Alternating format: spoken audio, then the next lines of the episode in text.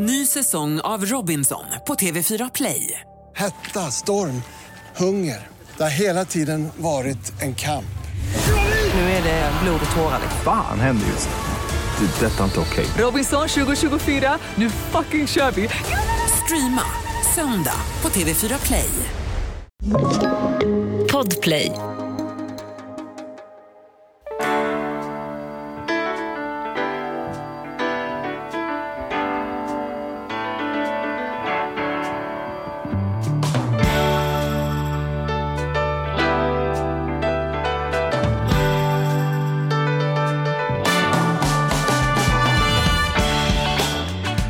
Och hjärtligt välkomna till Ekonomi på riktigt med Charlie och Mattias. Tack så mycket. Hur har du det Charlie Balle? Du, det är bra. Mitt i sommaren. Mitt i sommaren. Nej, men det är bra. Jag, jag, nej, men jag har mycket energi i kroppen. Har du tänkt på att vi ses oftare, alltså vi ses ju hela tiden i en studio, men vi Mm. ses oftare på sommaren vid sidan om. Vi är duktiga på att gå på restaurang ihop, för det, är egentligen, det har vi, delar vi verkligen ett Mm. Det har vi intresse. delat intresse Så av. det är vi Äta och alltid bra dricka för på. mycket har vi alltid gillat, du och jag. Ja, Ja. Men, men spontanarna blir mer på sommaren. Ja, precis. Varför är det så? Det är ofta är det för att du är någonstans en bit ut och jag inte har bil. Så att jag har inte slängt och svänga förbi. Men det är också en sån här bullshit-anledning. För det är inte som att vi har sett skitmycket när du har varit i stan heller. Nej. Nej, jag vet inte. Men det Vissa ju- människor blir ju sådär att man får liksom en att de hamnar i huvudet på listan sådär som så här, vilka man ser på en sommar som man inte kommer Mm. på en onsdag. Men ni Vi är ju mycket Mm. bättre än vi på att komma på de här. Du kan ju i princip ringa och säga att kommer förbi imorgon. Mm. Ja, kul. Och så Precis. löser man det Jag tänkte bara. att du ska bjuda in mig till det här. Ja, Och så säger du, ja då gör jag det. ja Och lite exakt så. så. brukar det vara. Jag är ganska bra på att bjuda hem mig. Också bjuda, Ja. Mm. bjuda själv, men också så här säga, nu, nu gör vi så Nu här. bjuder jag hem mig. Ja, Men du, det. Mm. eh, och på tal om det så är det ju, i, i det här fallet nu har vi en väldigt spännande gäst. Alla som har klickat på länken ser ju redan att gästen heter Vanja. Och Mm. jag fick ju det här tipset av min kära fru. Som du känner mycket väl. Som jag känner mycket väl. Mm. Som förra säsong bara en dag så här, den här tjejen verkar så jävla cool. Mm. Henne borde ni ha med i podden. Och jag bara, kanon. Och sen så skickade vi den Men, rakt tog du det bara på det? Ja. Inga följdfrågor? Nej, Nähä, jag litar så mycket. Jag blir Ja, det lite blind på min fru. det har du fan rätt Och hon har, Mm. Vi får se om hon har rätt, men jag är rätt säker på att hon kommer ha det. Så varmt välkommen, är du med på applåden nu? Ja, nu får jag det Varmt välkommen till Vanja Wikström! Woo!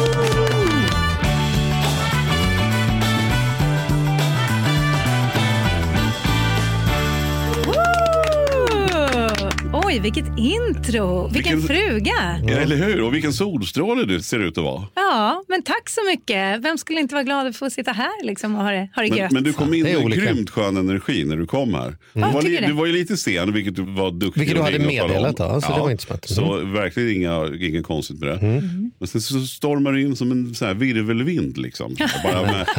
Mm. leende på läpparna och full fart. Är du sån som person? Glitterbrallorna på. Ja, dessutom glitterbrallor. Vi, får, vi ska ta en bild här och lägga ut på... Det var jädrigt glittriga brallor. Ja, eller hur? Ja. Man måste värna vardagsglädjen. Mm. Mm. Och det hände med brallorna idag. Ja, man, jag brukar em, em, f- försöka få in det på olika sätt. Genom saker jag har på mig, eller saker jag gör, eller folk jag träffar. Eller du vet, bara. Men, du, men du är en positiv person. Mm, jag är en positiv person. Kommer, det, kommer det naturligt eller är det någonting som, som du liksom får jobba med? Ibland tycker jag att, nämligen att glada och positiva personer, jag är också glad och positiv, vi får ju oftast liksom skit att vi är lite naiva och liksom, som att det skulle komma av sig självt. Jag menar ett ganska hårt jobb att hålla sig positiv i den här jävla pissvärlden. Liksom så här, vi får onödigt lite cred för att man väljer att vara positiv. Hur är det för dig? Är du bara naiv eller är det som att du har valt att vara positiv? Liksom? Nej, Men jag skriver under på det till 100 procent. Jag brukar liksom säga när folk är sådär, men har du alltid varit så här möjlighetsinriktad och positiv och glad? Och sådär. Ja. Ja, nja, jag tror liksom det är få personer som bara hoppar ur sin mammas livmoder och är så sprudlande och sen så är det ens mindset som man Med applicerar på allt. glitterbrallorna på. Med glitterbrallorna född på. med glitterbrallorna på. Ja, men Mm. exakt. Nej, men utan det är ju ett, eh, ett eh, aktivt val. Och med Mm. det så vill jag inte säga att det är jättelätt och om man inte är positiv så är det bara att skärpa till sig. För så är det givetvis inte. Utan det är liksom, men jag skulle vilja säga att det, det är hårt jobb. Och framför allt så är ju belöningen i det är att jag har ju liksom upptäckt jag har blivit bättre på det här med åren, vilket säkert du också har, har blivit. Och att man upptäcker ju mer och mer att man tjänar så mycket på att försöka hitta det som är härligt istället för det som är tråkigt i olika situationer eller i personer eller i en upplevelse eller i sin vardag. eller så där. Det blir väldigt eh, snålt hela livet om man ska gå runt och se det som är, är trist. Liksom. Jag brukar ha som en, jag, jag har som ett, som jag brukar göra rätt ofta, när jag kommer på det, när jag går längre sträckor på stan, hur jag bara börjar le och säger hej till, till människor. Ja. Bara vad ett leende ger och vad, vad man får tillbaka från de som kan se grinigast ut eller ja, inte alls liksom, hur de nästan säger, vänta nu, vad, vad skrattar han åt? Eller så här, och, och så börjar de le och, och vinkar tillbaka. Det är fascinerande vad, vad man får för energi beroende på Ja. vad man ger. också, Jag hejar på folk som är ute och joggar när det ser lite tungt ut också. Då jag möter dem när jag utspringer. Så här, heja, heja. Ja, vad bra. Ja, då blir de jätteglada. Sen har jag blivit, och- men så har jag blivit mer positiv med tiden. Jag tror ändå kanske att jag har pikat. Att jag, det är, jag kanske inte samma uthållighet att vara positiv längre som jag var för tio år sedan var jag nog mer energisk än vad jag är nu för tiden. Vad säger du Mattias? Tycker du att jag har blivit mer möjlighetsorienterad och positiv eller tycker du att det kanske är jag. som Jag att tycker du har, vi- blivit, nej men du har framförallt blivit mer ödmjuk Ja, med åren. ja, Alltså du, är, du, du, du var lite mer så, du var på gott humör men lite bitskare. ja. Nu är du på gott humör och lite, var lite, mer av. Hela, ja, det kanske ja. slipats av med tiden. Som Du en har- sten i havet har Ja, jag lite. blivit men, lite mjukare. Men till det bättre tycker jag. Ja, ja vad härligt att du säger det. Mm. Men nu måste vi höra, Vanja Ah, Wikström. Vem är Vanja Wikström? Om man inte känner igen det namnet när man klickade på avsnittet, kan vi få liksom hisspitchen Vanja? Hur låter den? Liksom? Mm, hisspitchen Vanja. Ja, jag eh, har ju gjort väldigt mycket olika saker. Jag har alltid varit liksom väldigt entreprenöriellt lagd, ett bökigt ord att säga. Så jag har gjort liksom allt Men ifrån... jättemycket poäng i alfabet. Men är du från, Ja, är du från. Stockholm från början? Eh, ja, jag är från Stockholm. Mm. Jag har, eh, liksom, för jättelänge sedan, när liksom dinosaurierna vandrade på jorden, då pysslade jag med musik. Skrev låtar, producerade. Men vänta, så gammal är du. Hur gammal måste, måste jag fråga hur gammal du är? Varför? Jag är född 78, jag fyller 44 i år. Mm. Ja, och det här var liksom 00-talet. Liksom. Det Mm. Inte riktigt dinosaurier, men det är ändå långt. Det är länge sedan. Coolt, Mm. vad gjorde du då? Kände man igen dig sen dess? Nej, därför att det funkade inte. Därav gör jag inte det fortfarande. Men jag hade faktiskt någon slags karriär framförallt i Frankrike. Så jag var väldigt mycket i Frankrike. Aha. Eh, där hade jag mitt skivbolag och mitt eh, management. Och Men sådär. om man eh, ta, drar igång på Spotify, då kan man höra... Ja, det kunde man fram tills dess att mitt dåvarande skivbolag köptes upp av ett annat. Och Då eh, gjorde de om alla sina Spotify-listor och då Mhm. slank jag inte med. Och Då kände jag att det var ganska skönt. För att eh, folk, Jag vet att folk googlar på mig och plus musik. Mm. Och Då kan jag tycka att det är ganska skönt att jag får ha de grejerna för Var du inte stolt över det du producerade? Eller? Ja, därför att det var lite så komplicerat. För att eftersom, jag då, eftersom skivbolaget och hela liksom managementet och allt var i Frankrike och jag befann mig i Sverige och jobbade med svenska producenter och så här, så blev allting väldigt försenat hela tiden. Så att när skivan väl kom ut så blev det liksom, då var det låtar som jag hade mm, skrivit för kanske åt, alltså åtta år tidigare. Mm. Och plus att hela bilden av hur jag ville ha min skiva producerad hade förändrats väldigt mycket. När vi började med hela albumarbetet, då älskade jag så här Trevor Horn, det är liksom en, en producent som lägger på tusen olika pålägg och det är stråkar och det ena med det tredje. Men när plattan väl kom ut, det var ungefär samtidigt som Lykke Li släppte sitt debutalbum och då var det liksom mm, tss, mm, tss. Det var bara liksom en, en liten snare, en hi-hat Superavskalat, ja. Och sen hennes så här stämma på det. Och Det var ju skitcoolt och jättebra. Så då ändrades liksom hela... Mm. Det tog mig för lång tid. Så att när jag väl fick ut min platta så lät den daterad redan när den kom. Så att jag fattar att det Mhm. Så vi ska inte flög. avsluta avsnittet med att spela lite? Med mina franska hits? Ja. Nej. Nej, Nej. Okej, då släpper Nej. vi den. Nej, vi släpper Men hände Okej, sen men det gjorde Mm. du i alla fall. Du höll på där, 20-talet där, början. Ja. Mm, det gjorde jag. Och Sen hade jag ju då någon slags livskris när det inte funkade. eh, För att Det var det enda jag hade tänkt att jag skulle göra hela livet. Och eh, När det man tänker att man ska göra inte blir av så mm, blir man väldigt ledsen. Så att, Det här är som Mattias fotomodellkarriär. all over again. Åh nej. Ah. Jag snackar så mycket skit. Du kommer vänja, du kommer vänja dig. under- Det, ta, han är som han är. Ja, fortsätt. Fortsätt. Ja, men då kan du relatera till det här och ligga och gråta i sängen ett år då, när din Mm. Nej, jag kan faktiskt inte. Nej. Men det var det jag gjorde. Alltså, Ja, ja, jag liksom men det kan jag relatera till. Men Ja. inte på grund av de självsal i nämnden. Nej. Ja. Nej, men då, man fick, fick liksom bara inse att så här, det här funkar inte, vad fasen ska jag göra nu? Men då hittade jag ett annat projekt som var väldigt kul som jag gav mig in i. Och då var det, det här var 2008, 2009 kanske. Då insåg jag att eh, varför finns det inga fina amningsbehår? Eh, jag hade inga barn, jag visste inte ens om jag ville ha barn, men jag såg en så här möjlighet till det. För jag hade deltidsjobbat lite i en så här gravidbutik. Och, ehm, då startade jag en e-handel helt enkelt som sålde snygga amningsbehåar. Och det här var ju jättenischat och när folk precis började lite handla på nätet och det blev mer mainstream. Så att den gick ganska bra. Och så sålde vi den några år senare. Och sen dess har jag jobbat som influencer, jobbat som profil liksom, med det man nu gör där.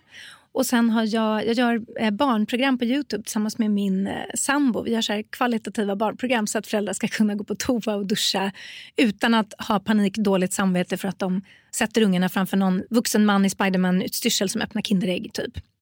Som också funkar. Ungen är jätteroad men det känns inte jättebra i själen. Och vad ska man söka på då? då? Om man vill ha Bolibompa-sex men inte... Liksom... Då får man gå in på Lekis-TV, heter vår Youtube-kanal. Så att, Mm. eh, Hur- Och hur gamla är barnen då? De ungarna som vi har nu är åtta och fyra. Mm. Så det gör jag. Och sen så, eh, jag har ett träningsupplägg som heter rimlig träning för de som hatar att träna. För jag hatar att träna. Men eh, när man så här passerar 40 och man har fått barn och grejer så går man sönder och så inser man att så, det här är inte hållbart. Snart kommer jag ju inte kunna knyta mina egna skor. Typ. Så att, då styrde jag upp det. Och sen har jag gått in som delägare i greenkids.se som är en sån här mm, online-service för att sälja och köpa begagnade barngrejer. Wow. Ja. Nice. Och sen har jag startat ett NFT-projekt. Det är liksom det stora, det är det som jag gör nu. Så jag gör väldigt mycket saker helt enkelt. Finns det någon röd grejer. tråd? Liksom? Vad är det du dras till? Ehm, det jag dras till är ehm, jag gillar framförallt själva bygg, uppbyggnadsfasen. tycker jag är väldigt, väldigt rolig. Liksom, att få vara med och bygga någonting från grunden. Men sen så vill jag alltid att det jag gör, jag vill att det ska vara bra för mänskligheten på något sätt. Oavsett om det är att så här, få kvinnor att få lite bättre självförtroende genom att de får sätta på sig en fräsig amnings-bh istället för en helt värdelös vidrig tant-bh som det fanns på den tiden bara. Nu har ju alla kedjor jättefina saker så nu är det inte samma läge liksom. men, men då var det det. Eller att man investerar i sig själv och sin hälsa. Eller att man gör bra saker för barnfamiljer som är barnprogrammen. Eller som det här NFT-projektet som är... Det har att göra med att jag vill liksom öppna dörren för kvinnor in till krypto, NFT och webb 3. Alltså den nya digitala världen och vår framtid som kommer landa i våra knän inom en överskådlig framtid. Och då är det tråkigt tycker jag om det ska fortsätta vara som det är nu att det är 81% snubbar som befinner sig inne i den här världen. Inget fel på snubbar, de är fantastiska men jag tror att alla, alla sammanhang mår bra av att ha en eh, lite mer nyanserad mix av människor som bestämmer strukturerna och sätter upp reglerna för hur man ska Verkligen. bete Och det, sig. är, och det är det här vi ska prata om nu. Då. Så, eh, inte om snubbarna specifikt, men om där. Men om vi börjar där. Då. Varför, är det, varför är det snubbarna som har tagit kryptoprylen. Liksom? Vad tror, finns, det någon, finns det någon rimlig förklaring ändå om hur, hur det blev så, även om vi ska rätta till det? Då, eller? Alltså jag skulle vilja säga att det är ju inte märkligt att vi tar med oss de strukturella bökigheter som finns i vår IRL-värld i även våra digitala världar. Liksom. Så att det vore ju naivt att tro att eh, de strukturer som finns i vanliga livet inte följer med i liksom ny utveckling. Och sen har det ju mm, teknik har ju varit ett ganska mansdominerat område väldigt länge. Och eh, Det är ju inte på något sätt någons fel och det handlar inte om att kvinnor inte är inbjudna eller att vi är utestängda på något sätt. Utan jag tror mer det handlar om att när strukturerna och liksom när ett space utformas väldigt mycket av ett kön så känner man sig inte bekväm bara med att ge sig in där. Lite som när man som kvinna går in på en herrtoalett för det är så himla lång kö till tjejtoan alltid och så bara ser man en pissoar och så bara, ah, vad, vad ska man göra med den här? Och man bara känner sig inte 100% bekväm.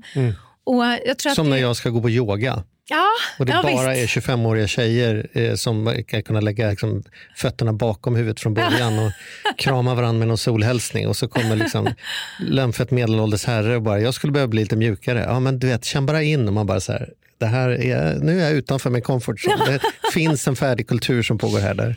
Ja, men lite. mm, så mm, att, fattar. Det som jag vill göra inom krypto det är att skapa liksom yogarummet för medelålders herren. Då, Ja. liksom, där man känner att här är man bekväm som, som kvinna. Här kan man ställa alla frågor. Inga frågor är dumma frågor. Vi lär oss tillsammans, vi utbildar varandra och Mm.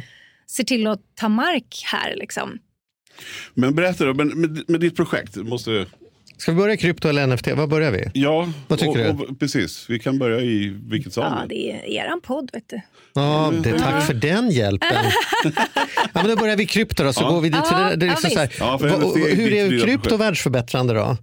För man kan, jag kan ju, måste erkänna att jag har ju hamnat lite så här, ja jag fattar att det går pengar att tjäna, och, men det, är väl, det går ju liksom 13 på dussinet och det är mycket snack och det är liksom växer fram en generation människor som tror att allting alltid stiger i värde och påstår att de är riskmedvetna och sen när det kraschar så blir de så att det är typ Putins fel att krypto inte bara kan gå upp, gå upp, gå upp och allting ska bli jättebra. Alltså så här, jag upplever att det är lite så här omoget och naivt och techdrivet på det där sättet som att lite it-bubbla-varning. Liksom. Mm. Men så Eh, känner jag också, men så brukar jag känna med saker som jag inte har någon jävla ja, koll på så det är eller någon därför aning jag, om. Berätta det att jag har fel då. Liksom. Ja, Ja, men det är ju lite it-bubbla-varning för att det blir ju alltid så när det är stora nya tekniska revolutioner. Det drar ju till sig en massa personer som vill slå mynt av Klondikes guldrush. Liksom.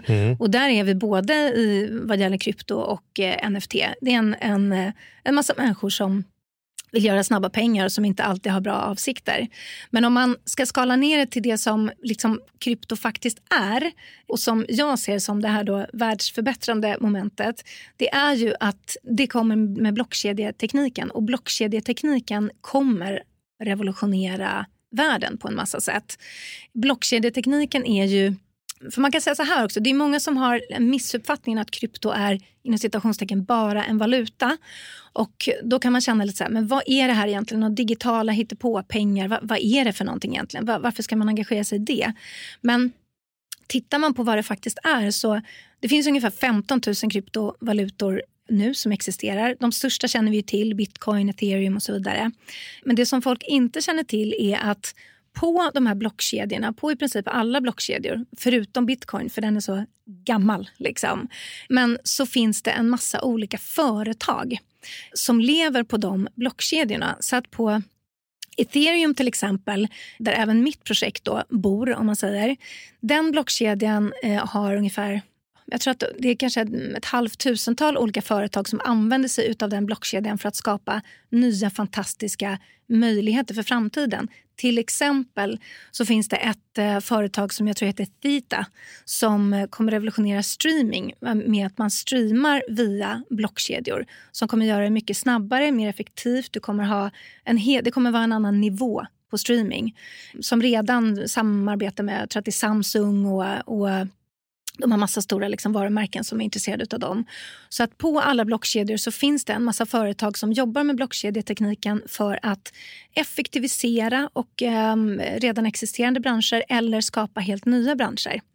Och lite beroende på hur framgångsrika de företagen är kan man säga så tror man mer eller mindre på den blockkedjan och då går den kryptovalutan som den blockkedjan är kopplad till upp eller ner i värde. Om man, om man skulle försöka definiera blockkedja. Vad, vad Ja, vi har gjort ett helt avsnitt på det, men vi kan Ja, göra vet, snabb genomgången här. För den som. Bara Mm. så här, vad, vad är en, om du skulle säga så här, vad är en blockkedja? Mm. En blockkedja är en teknik som gör det möjligt att... Eh, du kan inte fuska på en blockkedja. Det är den, den stora grejen. Det är decentraliserat, vilket innebär att det finns ingen som bestämmer över blockkedjan. Det finns ingen riksbankschef eller det finns ingen som säger att det ska kosta si och så här mycket att skicka pengar. Det finns, eh, det finns ingen, liksom, inget bestämmande organ utan det är de som använder blockkedjan som, som är blockkedjan så att säga. Och allting är transparent så att du kan se alla transaktioner som någonsin har skett på blockkedjan. Det är väl den liksom supersnabba förklaringen. Så, som jag ska använda en metafor, för att det, det, sånt gillar jag, Ja. så kan man säga om, att om du har en tavla så är det här jämförbart med att det här är ett pussel, det vill säga att tavlans motiv är utdelad i, i på hundra olika pusselbitar och jag vet att ingen kan ändra motivet för jag sitter med en av pusselbitarna och den, alltså man, eftersom ingen har kontroll över hela tavlan utan man bara har en liten mikroskopisk del men som tillsammans bildar motivet så, så gör det att det blir säkert därför att vi vet att ingen kan gå in och ändra tavlan för den finns ingenstans, den finns på tusen ställen samtidigt. Jag skulle Typ. säga att det är en fantastiskt bra metafor. Jag tänker sno den, Charlie. Den där ska jag ta nästa gång någon Ja, frågar mig. Ja, det vet Men- det. men- Jag, men det är jag duktig på. Men hur blir det pengar på det undrar man ju då. då så här, bara för att det är ju apropå hittepå-grejen så tänker man det. Så, här, så att om många använder den då tänker man att det betyder nog att fler vill köpa. Alltså så här, det låter ju för mig som att någon typ av pyramidspelspåhitt där det säger så att om alla bara skickar till 10 så får jag dubbelt så mycket och så kommer nästa och så kommer alla tjäna pengar. Och sen kommer vi där krypto har varit att, att liksom, folk köper inte för att de tror på den här blockkedjan ska användas av Samsung utan man köper därför man tror att andra kommer vilja köpa av mig. Så att man helt enkelt lagerhåller på pengar för att kunna sälja dem dyrare, inte för att det faktiskt finns någonting bakom. Och Det kan man ju påstå att det är så med massa valutor och grejer, men Sverige har ändå en BNP, vi gör ju ändå någonting på dagarna. Eh, det gör ju inte de här. Liksom. Är det inte lite mer på låtsas ändå och lite mer så här hype? Eh, det, det finns absolut ett inslag av hype, det gör det verkligen. Och, men det skulle jag säga framför allt är de här mindre, alltså nya valutor som, som lite kommer och går. De stora etablerade valutorna, där är det nog... Det, det finns ju alltid folk som investerar på späck, alltså det kommer man ju inte ifrån. Det är ju som att köpa aktier i ett företag som man tror ska bli någonting. Liksom. Och så sitter man på de aktierna tills dess att man förhoppningsvis har fått utväxling. Men om man gör det lite på det sätt som, som jag gör, eller som vi gör, då jag och min sambo, vi investerar väldigt mycket tillsammans. Då försöker vi hitta vi vill gärna hitta valutor som är kopplade till företag som vi tror extremt mycket på. Vi är helt ointresserade av bitcoin till exempel utan kikar ju på mycket mindre mynt som är, mm, eh, består av företag som vi tänker så här, det här är ju en no-brainer. De här har ju framtiden för sig. Och ju mer folk som upptäcker det här företaget och ju större det här företaget blir desto mer värd kommer deras valuta att, eh, att bli.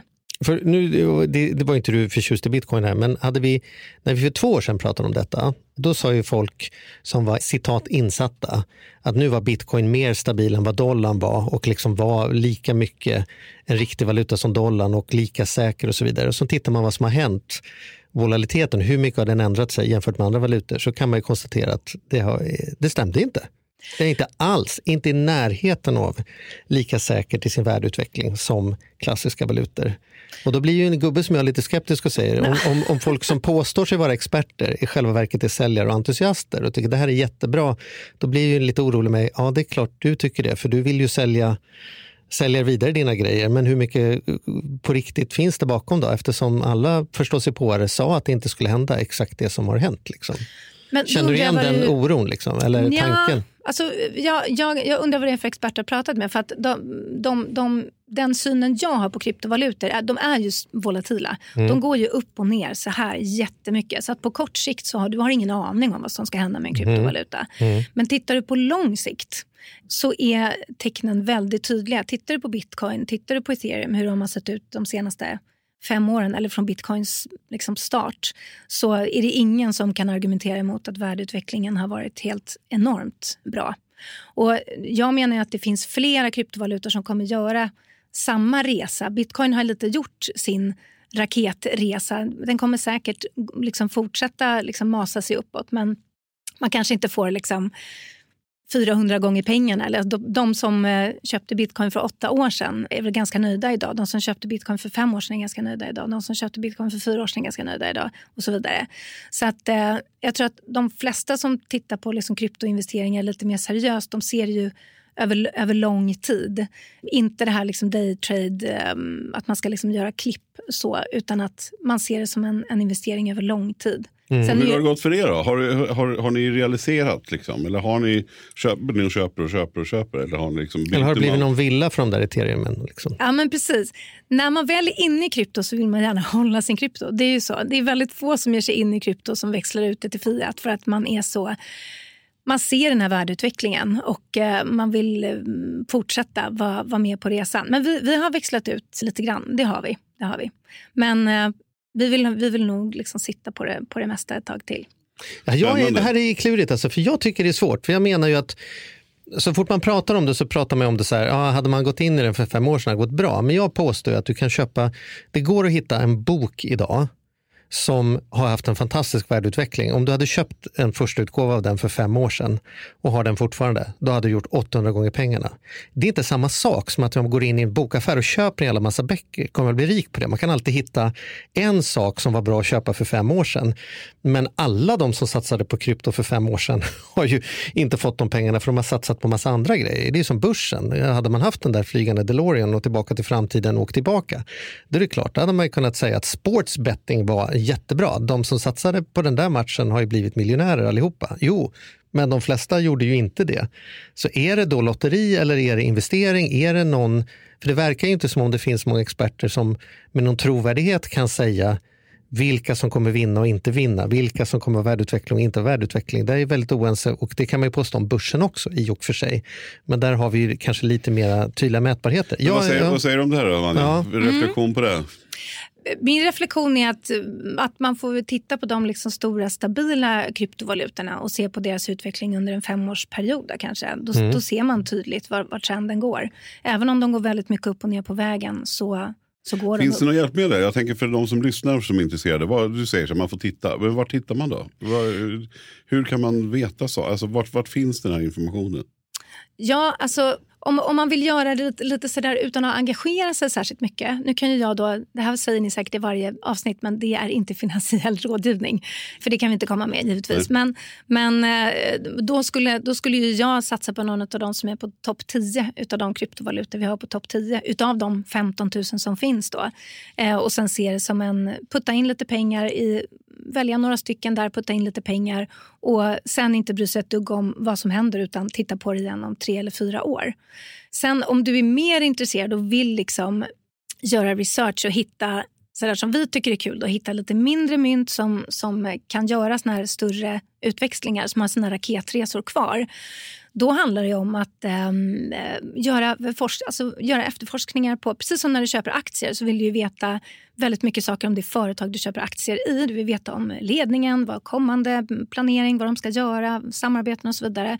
Och det är, I och med att kryptovalutor är företag så är det precis samma sak där. Att titta på företaget eh, bakom, en som vi tror jättemycket på till exempel har ett eh, företag som vi tror kommer bli väldigt stort i, i framtiden. Och eh, där har vi gjort den research som vi anser är liksom rimlig på det företaget, de som har grundat det företaget, vart de är på väg, hur det har gått hittills och så vidare. Så det är egentligen samma som man ska göra med alla investeringar. Se till att du förstår dig på det. Se till att du har all information som du eh, kan tänka dig. Och sen får du göra en avvägning om du tror att de kommer kunna leverera det som typ ledningen Men rent lovar. krasst då, hur, hur så här, rakt så här, på det bara. Hur, om jag nu vill göra det, man vill gå in och köpa topp 10. Vart hittar jag? Vart, vart, går jag in på www.krypto.se? Eller liksom var, Var hittar man, Var- var, vart- är börsen? Var Vad är börsen? var är börsen? Man vet ju vad jag kan se dagens elpris, jag vet vad jag kan se de som är noterade på Nasdaq, vad kan jag se, vad kan jag se krypton? Du kan se den på... Det finns massa olika sidor. Man kan bara googla.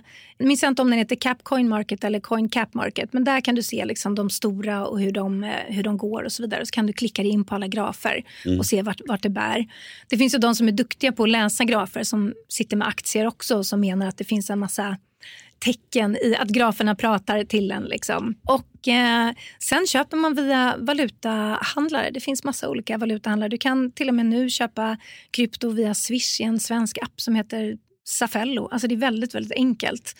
Men, och det kommer ju bli enklare, för det är ju fortfarande krångligt att vara kryptoperson i Sverige, Skandinavien. Det, är- det, Det är därför det är så spännande också. Och därför är det så spännande att höra. Så, ju. så att det är ju, Mm. Vi har väl bara sett början. Ja, ja det, det, precis. Det, är ju det, är ju spännande. det är bara jag vi, är- eh, ställer mig i andra vågskålen bara eftersom jag vet att du är entusiast.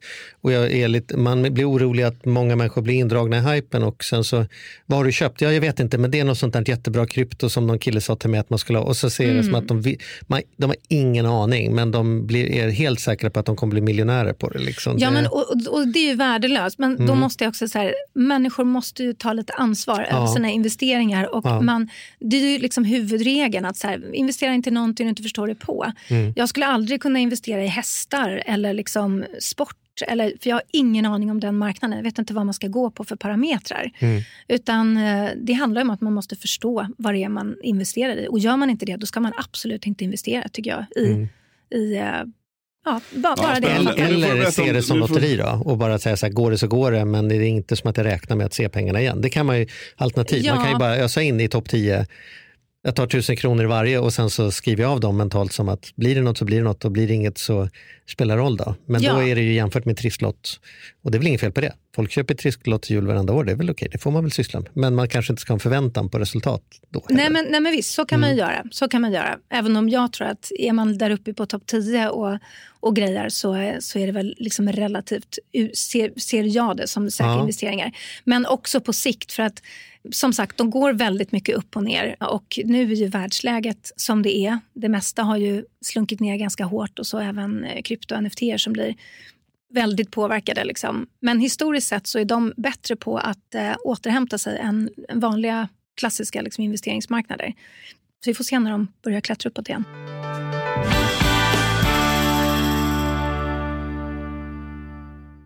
Den här podden gör vi även den här veckan i samarbete med Saveland. Fan vad kul det är att ha dem med ombord. Mm, jätte, jätteroligt. Ja, vi brukar prata om att man har något band som man såg jag stod Bo Kaspers jädrigt tidigt liksom, innan man gjort tv-debut. Och du har något hårdrocksband som du var jävligt tidig på. Ja, alltså jag var på, på Lilla Teatern Göta Lejon och såg Metallica Ja. 1984. Så gammal är jag. Och jag var i kontakt med Saveland när det fortfarande var typ tre, fyra personer där från början. När jag fick möjlighet att träffa dem.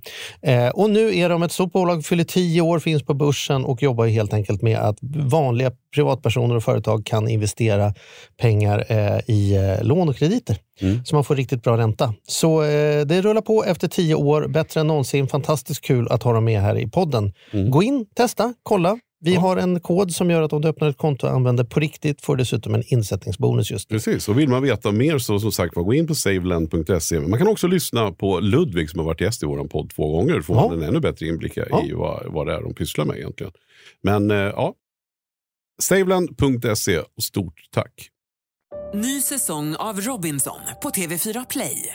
Hetta, storm, hunger. Det har hela tiden varit en kamp. Nu är det blod och tårar. liksom. Fan händer just nu. Det. är Detta är inte okej. Robinson 2024, nu fucking kör vi! Streama söndag på TV4 Play.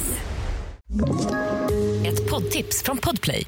I podden Något Kaiko garanterar östgötarna Brutti och jag, Davva, dig en stor dos skratt.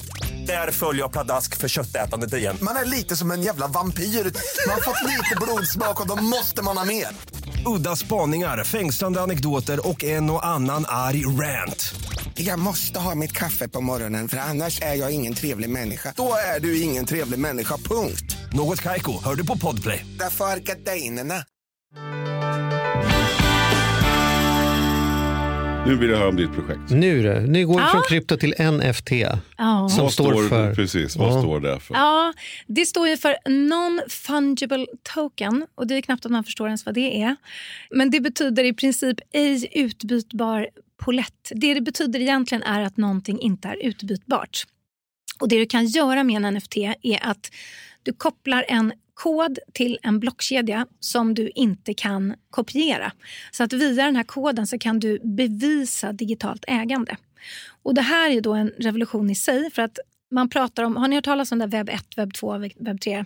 Mm, berätta. Nej. Ja, vi har det, men vi pratar inte för våran skull. Nej, men det. okej. Ja. Men eh, då, det blir som en liten krypto-workshop det här då. Men Mm. man pratar om webb 1 och det var liksom när internet slog igenom och man hade Netscape och man kunde läsa saker online och, och det var väldigt liksom spännande och det var den stora tekniska revolutionen. Vi kunde dela information med varandra. Och Sen kom nästa steg, det var webb 2. Då kunde vi helt plötsligt vara med och eh, dela information själva. Vi kunde skapa saker online. Då kom alla sociala medier och Facebook och så vidare. Nu pratar man då om nästa steg i den här tekniska utvecklingen och det är webb 3. Och det är där vi kommer kunna äga saker digitalt och där vi även kommer gå mot en mer då decentraliserad värld där vi inte har lika många som bestämmer över eh, sättet som vi förflyttar kapital och sådär på. Så att, ehm, ja, Mm. så är det. Mm. Mm. Och lika otänkbart som det var med sociala medier innan sociala medier fanns. Liksom, menar du att jag ska ta bild på min lunch och så ska tusen människor skicka en tumme på det? Ja, det kommer alla göra om tre år. Bara, nej, nej.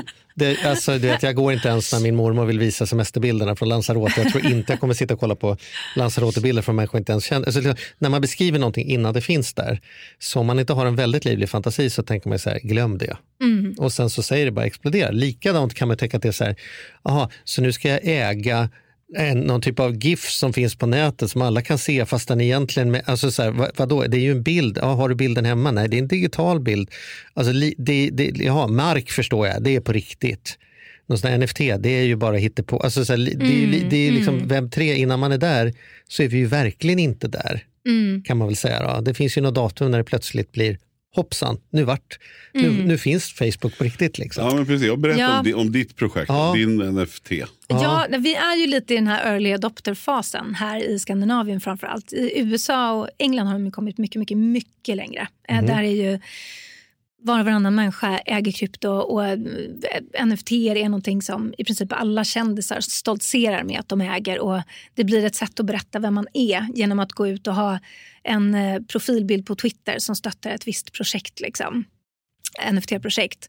Så att eh, det är ju fördelen och nackdelen för mig att vi är så extremt tidiga här. Det är ju fördelen för att vi har en first mover advantage. Liksom.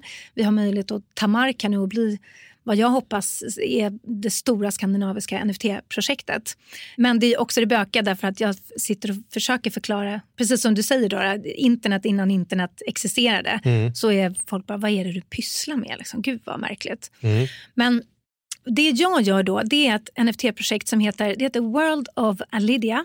Och det är ett eh, NFT-projekt där man skapar 10 000 unika konstverk. De är lite snarlika. Jag har ju några här framför liksom oss Ja, på du kommer med en rad kort Ja, här. så- kul. Ja. Jättekul. Vi ska ta, de får vi plåta och lägga upp sen. Ja, ja, ja, ja, absolut. Ja. Men vi får inte göra NFT av dem. Nej, det får vi inte. Jag vet inte vad jag säger nu. Ja, ja, vilken me meta. Ehm, nej, men då gör man liksom 10 000 unika konstverk, digitala konstverk som är eh, lite snarlika men alla är olika. Och genom att köpa de här NFT-erna så får man även tillgång till en massa olika värden. Det här kallas för utility NFTs och det är NFT som ger som är kopplade till värden. Och eh, en av våra medlemmar, vi har ett digitalt eh, online-community som är kopplat till det här projektet. Alla här NFT-projekt har en Discord. Har ni varit inne i en Discord någon gång? Mm. Ja, Det har kul! inte jag. Mm. Nej. Son, sonen är ju 13. Så Ja, han är gamer kanske. Eller? Ja. Folk som spelar tv-spel och sådär brukar ha koll på det. För att det är ett väldigt användbart verktyg när man vill ha ett eh, online-community och kunna snickesnacka online. Facebook är ju värdelöst, Instagram är ju helt hopplöst. Och det finns inte så många bra ställen. Men i vår Discord så har vi, ja men på, vad, är, vad har vi varit igång nu? Sju, åtta veckor. Så har vi blivit drygt 3000 medlemmar och det är 95 procent kvinnor skulle jag säga. 95 procent nybörjare. De hade inte hört talas om begreppet NFT för två och en halv månad sedan. Nu är de där inne, lär sig jättemycket. Alla svarar ju på frågor åt varandra. Vi har en så här webb 3 skatteexpert, en jätteduktig tjej som hjälper folk om de har skattefrågor. Så att det ska kännas väldigt tryggt att lära sig om krypto och NFT i den här discorden. Eh, och där har vi en, en av våra moderatorer som förklarade det så himla bra i ett blogginlägg hon skrev. Och det är att NFT de är lite som ett ICA-kort. Liksom. Har man det här kortet så får man tillgång till en massa olika förmåner. Har man ett ICA-kort kan man få rabatt på resor och man får rabatt på varor och ena med det tredje. Men det man får när man har våra NFT det är att man får tillgång till en, ett medlemskap. Man får livslångt medlemskap i ett fantastiskt community som består, män är jättevälkomna, men det är framförallt kvinnor. Där vi kommer bygga en medlemsklubb i höst. Där man kan eh, gå på workshops, eh, gå på föreläsningar, vi kommer anordna konserter, utbildningar inom allt ifrån... IRL. Ja, IRL. Det blir en fysisk plats. Just för att vi, dels vill vi bara göra det här mindre abstrakt. Och vi vill också bokstavligen ta mark och visa att eh, vi tar det här på allvar liksom, med NFT och hela vad det kommer men, innebära men, men, men, men, och då köper man ett motiv. Mm, En av de 10 000 motiven blir mitt motiv. mm. Och det får ingen annan se eller ingen annan visa eller, ingen, eller alla, men det kommer stå att det är mitt. Alltså så här, vad, är, vad är det som är mitt? Och vad är det jag kan sälja? Kan jag sälja den till Mattias? Absolut. Då? Eller liksom, För ett medlemskap förstår jag. Det kan, Mm. Jag kan vara medlem i Spotify, jag kan vara medlem i något seglarsällskapet. Då får jag tillgång till båtar och bryggor och grejer. Och så, så Mm. får jag tillgång till föreläsningar. Det kan, låter inte som NFT, det låter som ett medlemskap, punkt slut. Det är, ju inte, det är ju inte webb 3 kan man konstatera med medlemskap. Det, har vi, det, det, det kan vi väl ändå säga, det har ju funnits sedan Ja, ja, medeltiden. absolut. Typ, så att det, där är vi inte. Så vad är, är NFT i detta då? Vad är det Mm. som är den där eh, poletten? Liksom? Ja, skillnaden är ju då mot om man gör den här jämförelsen med ICA-kortet att så här, du kan ju inte tjäna pengar på ditt ICA-kort förutom de här förmånerna du får. Men det man erbjuder med en NFT det är att man erbjuder dessutom en möjlighet att faktiskt göra en bra eh, ekonomisk investering via NFT-erna för att man kan sen sälja dem vidare. På det privata planet då när vi själva investerat i den här typen av projekt då vill vi gärna köpa om man har möjlighet, det är inte alla som har möjlighet, men då vill vi gärna köpa på sig ett par stycken. Så att man har liksom en som man säljer ganska omedelbart när priset har gått upp förutsatt att man har hittat ett projekt då som levererar det de har utlovar och som gör att då ägarna av NFT blir glada och inte vill släppa sina NFT, då går ju priset upp. För Det handlar ju om efterfrågan och utbud. Liksom. Att är det inte så många som vill sälja sina NFT men det är många som vill köpa så blir det ett populärt projekt där priset går upp. Och Då vill vi sälja en NFT ganska omgående så att vi får tillbaka vår investering så att vi ligger plus minus noll. Då, då är ju allt efter det vinst. Och Sen kanske man vill ha två eller tre som man också sen kan sälja på vägen upp allt eftersom det här projektet då förhoppningsvis klättrar.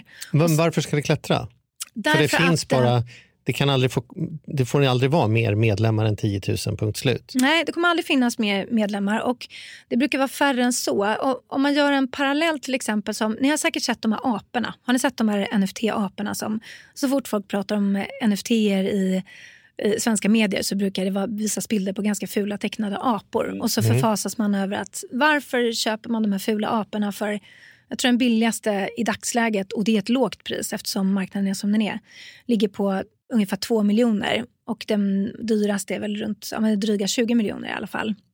De kostade för ett år sedan ungefär när de mintade då, som man säger, när de skapade sina NFT. Då kostade de 3 000 kronor styck. Och då, ehm, nu vet jag inte exakt hur många ägare det är där, men de flesta köper fler än en. För att man vill inte bara ha en, för att det är svårt att... En vad då? en NFT. Eftersom man vill kunna sälja och få hem en investering och man vill behålla en minst för att liksom kunna få fortsatt tillgång till de värden som de erbjuder. Så att anledningen till att man betalar väldigt mycket pengar för de här aporna till exempel är ju inte därför att de, det är världens vackraste konst utan dels är det för att de var ett av de första projekten så de blir värdefulla på grund av det. Det är alltid bra att vara först. Liksom. Men sen är det väldigt mycket kändisar i USA. Det är jättemycket stora eh, profiler till exempel. Allt från Eminem och Madonna till Justin Bieber. Eh, jag vet inte vilka som har. Det är hur, hur många kändisar som helst som har de där aporna. Och är du med, är, köper du en sån apa själv så får du vara med. Du blir inbjuden till de event som de anordnar. Det kan vara liksom, nu kör vi Los Angeles, eh, flyger vi över alla som, har en, som är en holder av en sån här apa och så kör vi två dagars event. Och då är du med i det nätverket som är då förstås ett väldigt kraftfullt och eh, ja, värdefullt nätverk att vara med i. Så att dels betalar man för utilityn, det man får tillgång till. Men sen har ju också just det projektet blivit bananas dyrt just för att de, de var så tidiga. Men, men är det en fysisk, det, är, det här är egentligen, alltså nu sitter jag och håller här i en av dina bilder. Mm. Jag, om, jag, om jag köper fyra sådana här, Mm. då är det, sen att det reggas någonstans, men, men det är faktiskt en, en aktie, liksom, om man ska... Ja, det, så kan man säga. Och du, köper, du äger konstverken. Så säg att du köper fyra stycken. Då äger du fyra stycken olika konstverk. Du kan såklart om du vill printa ut dem sätta dem på väggen som vilket konstverk eh, som helst. Men det du också får när du köper en NFT, är, i alla fall våra NFT, det är att de är fria från copyright. Så att alla element som, är, som ingår i liksom den bilden och den här bilden, den äger du. Så vill du trycka upp den där NFTn på en massa t-shirtar, till exempel starta ett t-shirtmärke, så har du all rätt i världen att göra det.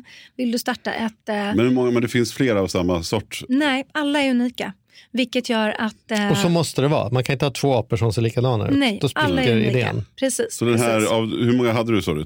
10 000 nu. Så det här är en av 10 000? Mm, precis. Men jag bara så att jag menar nu. Så jag köper den där. ah. Mm. Dels därför att jag tycker apor är lite kul att ha på bild i mobilen. Dels därför att jag med det får en någon typ av medlemskap i en klubb bara för oss som har köpt en apa. Mm. Och dels därför att jag tror att det medlemskapet kommer vara värt någonting i framtiden mer än vad jag köpte det för. Det vill säga att jag köper den för 20 miljoner för någon där ute kommer att tänka så här, fan jag vill också ha en sån här 20 miljoners apa, jag betalar 22 miljoner. Så jag köper den inte för att jag tänker att det är 22 miljoner värt, utan jag tänker att någon annan kommer tycka att det är ännu mer värt på något sätt. Men vem driver eran, om tre år, det är konserter, det är event, vem driver konserter och event? Du har ju sålt dina 10 000. Vad är ditt, vems ekonomiska incitament är det att hålla igång en klubb 20 år senare och livslångt medlemskap i, i någonting som bygger på att det finns en affär för någon att boka Oscarsteatern och se till att Miss Li kommer och sjunger och se till att det finns liksom drinkar och grejer. det kan man Jättebra inte- förslag. kan man Vill du vara vår klubbmanager? Jag älskar alla Ja dina Miss Li absolut, det. Ja. absolut, för 500 000 kronor i månaden. Men vem ska betala de 500 000 kronor i månaden? För Ja. du har ju redan kränkt iväg allting på, på de där 10 000. Det kommer ju inte in några nya kulor. Var ska, var ska min lön komma ifrån? Ja. Till medlemskapet? Ja, precis. Nu har jag tänkt igenom det här. Ja, men jag menar, inte- jag menar inte dina för jag menar Ja, men generellt sett. Om det är ett medlemskap Jag, jag måste bara berätta för er, så det är så jävla roligt här. Jag var tvungen att ta en bild för jag ska lägga ut den. Det, det är sällan som du blir så upphetsad.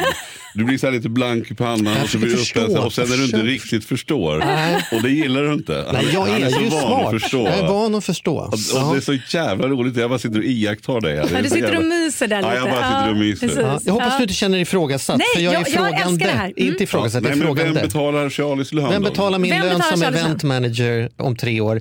I, inte bara din NFT utan generellt sett. Mm. Vad är det som säger att det inte kollapsar och ingen bjuder in Justin Bieber så står jag där med en apa men jag får inte träffa honom. Då är det ju plötsligt inte värd lika mycket om jag inte får träffa Justin Bieber längre.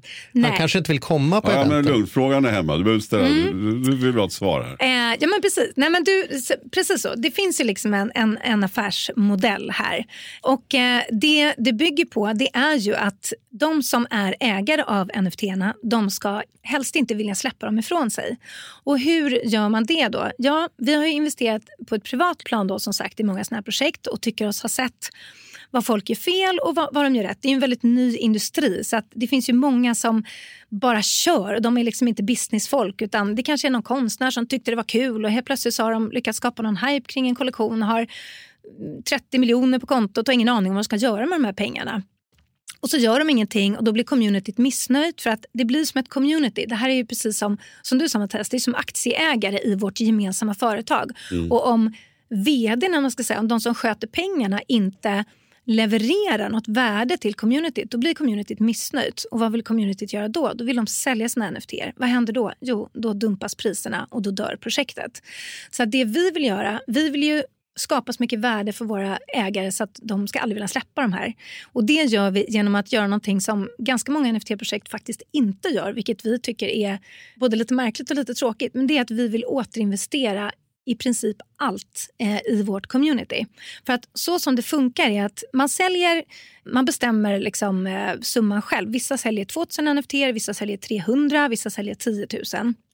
Men säljer vi 10 000 NFT till ett pris av, de kostar då 1900 kronor när man köper dem på minten. När man mintar NFT, det är då de skapas och det är då man köper dem direkt från fabriken. så att säga. Det är då man får dem som allra billigast, liksom, förutsatt att de sen går upp i pris. Men säljer vi 10 000 NFT, nu kommer vi bara släppa 5 000 av dem till allmänheten, men säljer vi de 5 000 då får vi in ungefär med strax under 10 miljoner SEK, fast i ethereum. Då.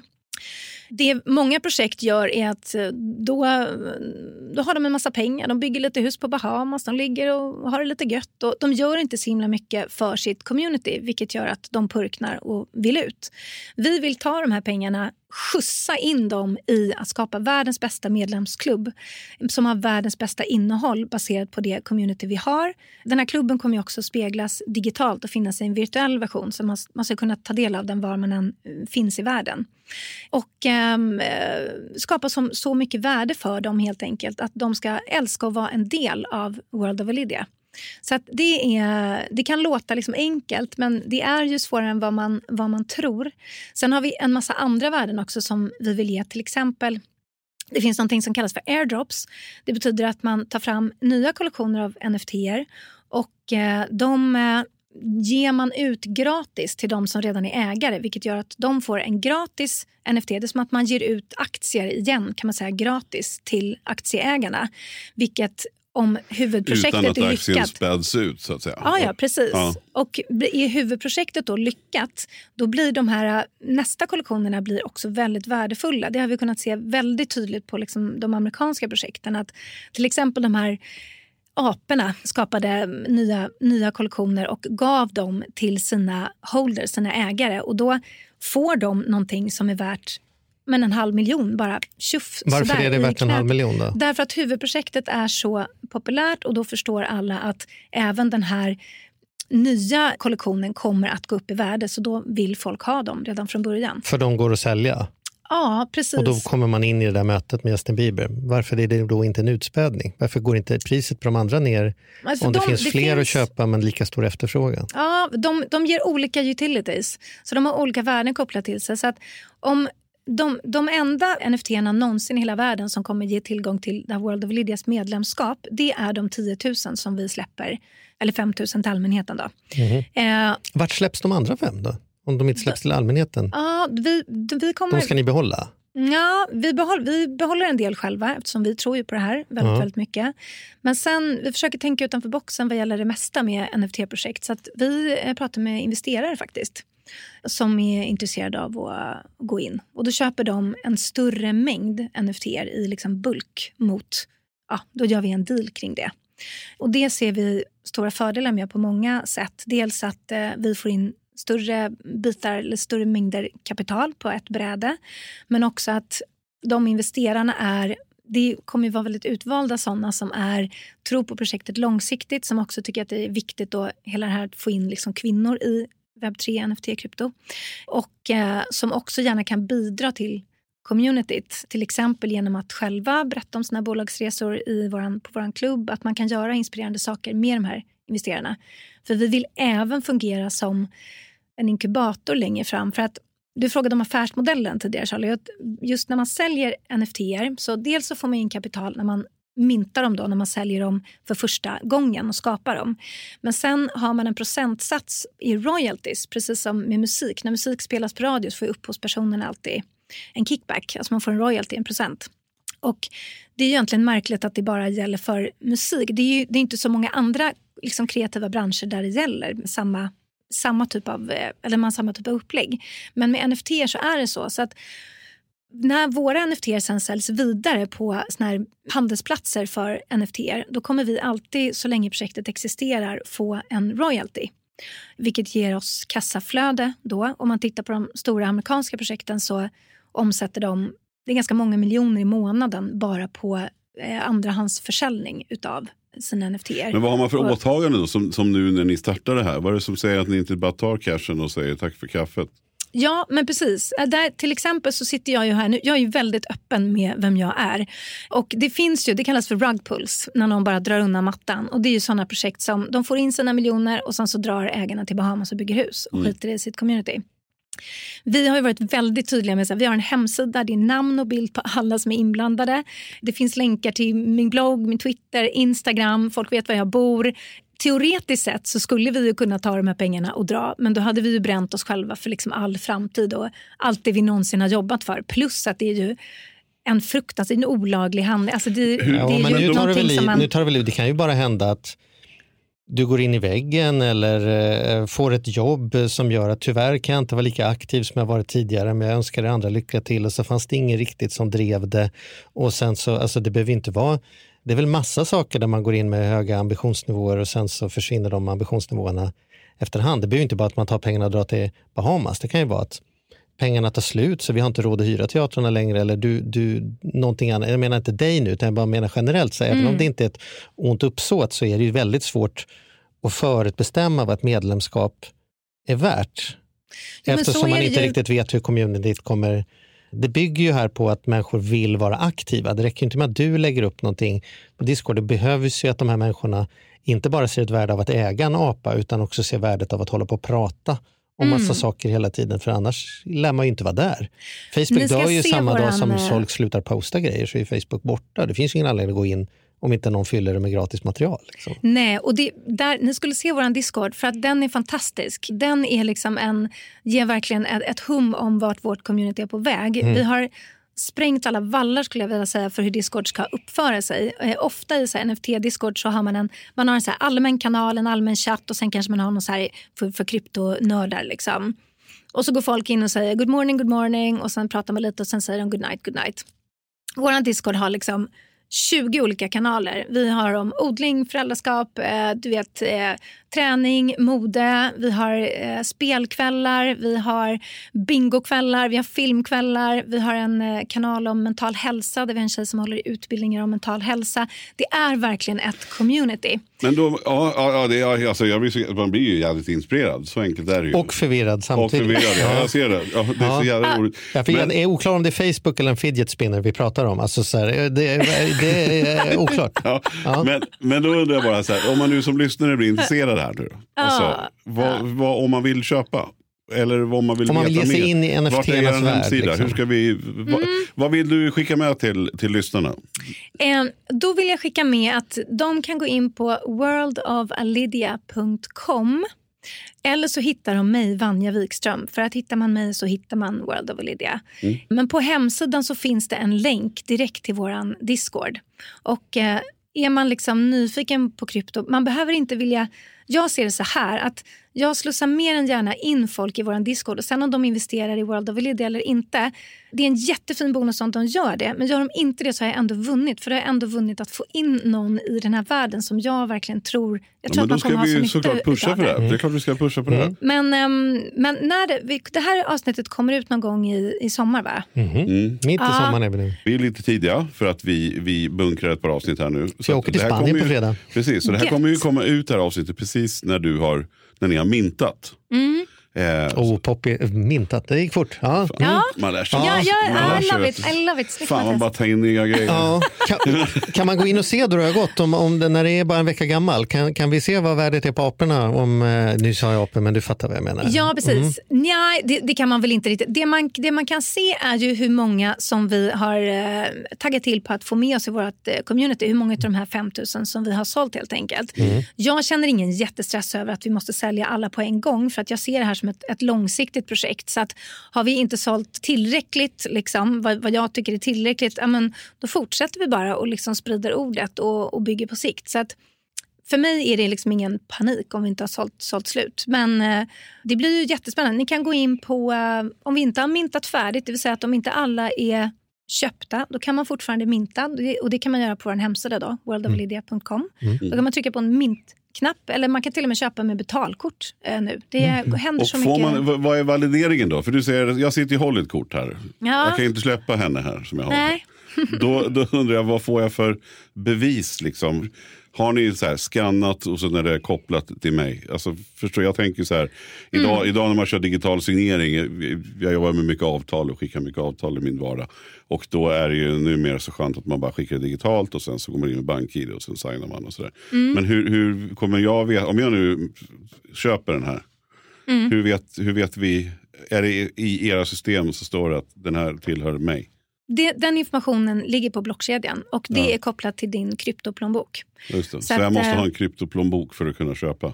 Ja, egentligen inte. För nu kan du köpa med betalkort också. Det kan man också göra där, faktiskt på hemsidan. Då skapar den tjänsten, det är supersmidigt. Den tar dina SEK, omvandlar dem till ethereum, mintar NFTn, skapar en virtuell kryptoplånbok och puttar dit NFTn.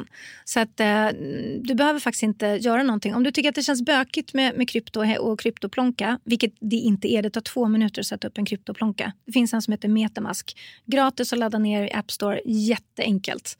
Men om man tycker att det känns bökigt, då kan man handla med betalkort istället. Men om man vill ge sig in lite mer och sen köpa valutor och så här, då skulle jag ju rekommendera att styra upp en riktig kryptoplonka. Men det kan ju vara steg två.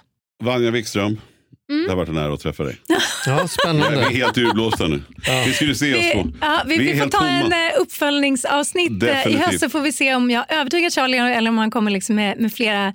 Eh, vad var det jag sa? Det här, titta. Du, du, du, du, du. Vi, vi får se. Du får komma till, till och besöka klubben helt enkelt. Jag är inte den här, ifrågasättande, den, här jag den här har jag kö- köpt redan. Bara, så Det är, du är Ah, redan gött. klar. det är klart. Ja, Jag känner att det är som en avsnitt av Stranger Things. Jag har liksom hamnat i the upside down och vet inte, inte helt säker på om det är bra eller dåligt.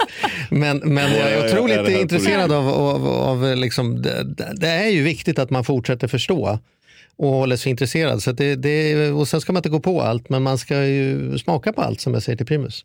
Det gäller att smaka på allt och fatta vad man gillar och inte gillar. Och det här är definitivt någonting vi alla behöver förstå, för det kommer bli en stor del av vardagen. Blockchain är ju, är ju för mig i alla fall bortom öppet för argumentation, att det är en stor teknisk genombrott som kommer att ha stor påverkan på Ja, ja, ja. framtiden Nu, nu, nu, nu släpper vi dig. Men vi får se. Ja, det är bra.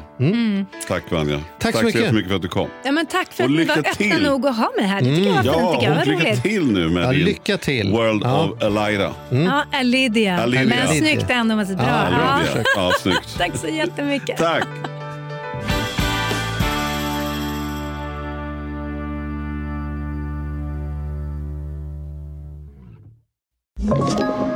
Podplay. Ny säsong av Robinson på TV4 Play.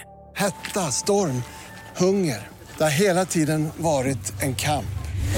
Nu är det blod och tårar. Fan händer just nu. Det. är Detta är inte okej. Robinson 2024, nu fucking kör vi! Streama söndag på TV4 Play.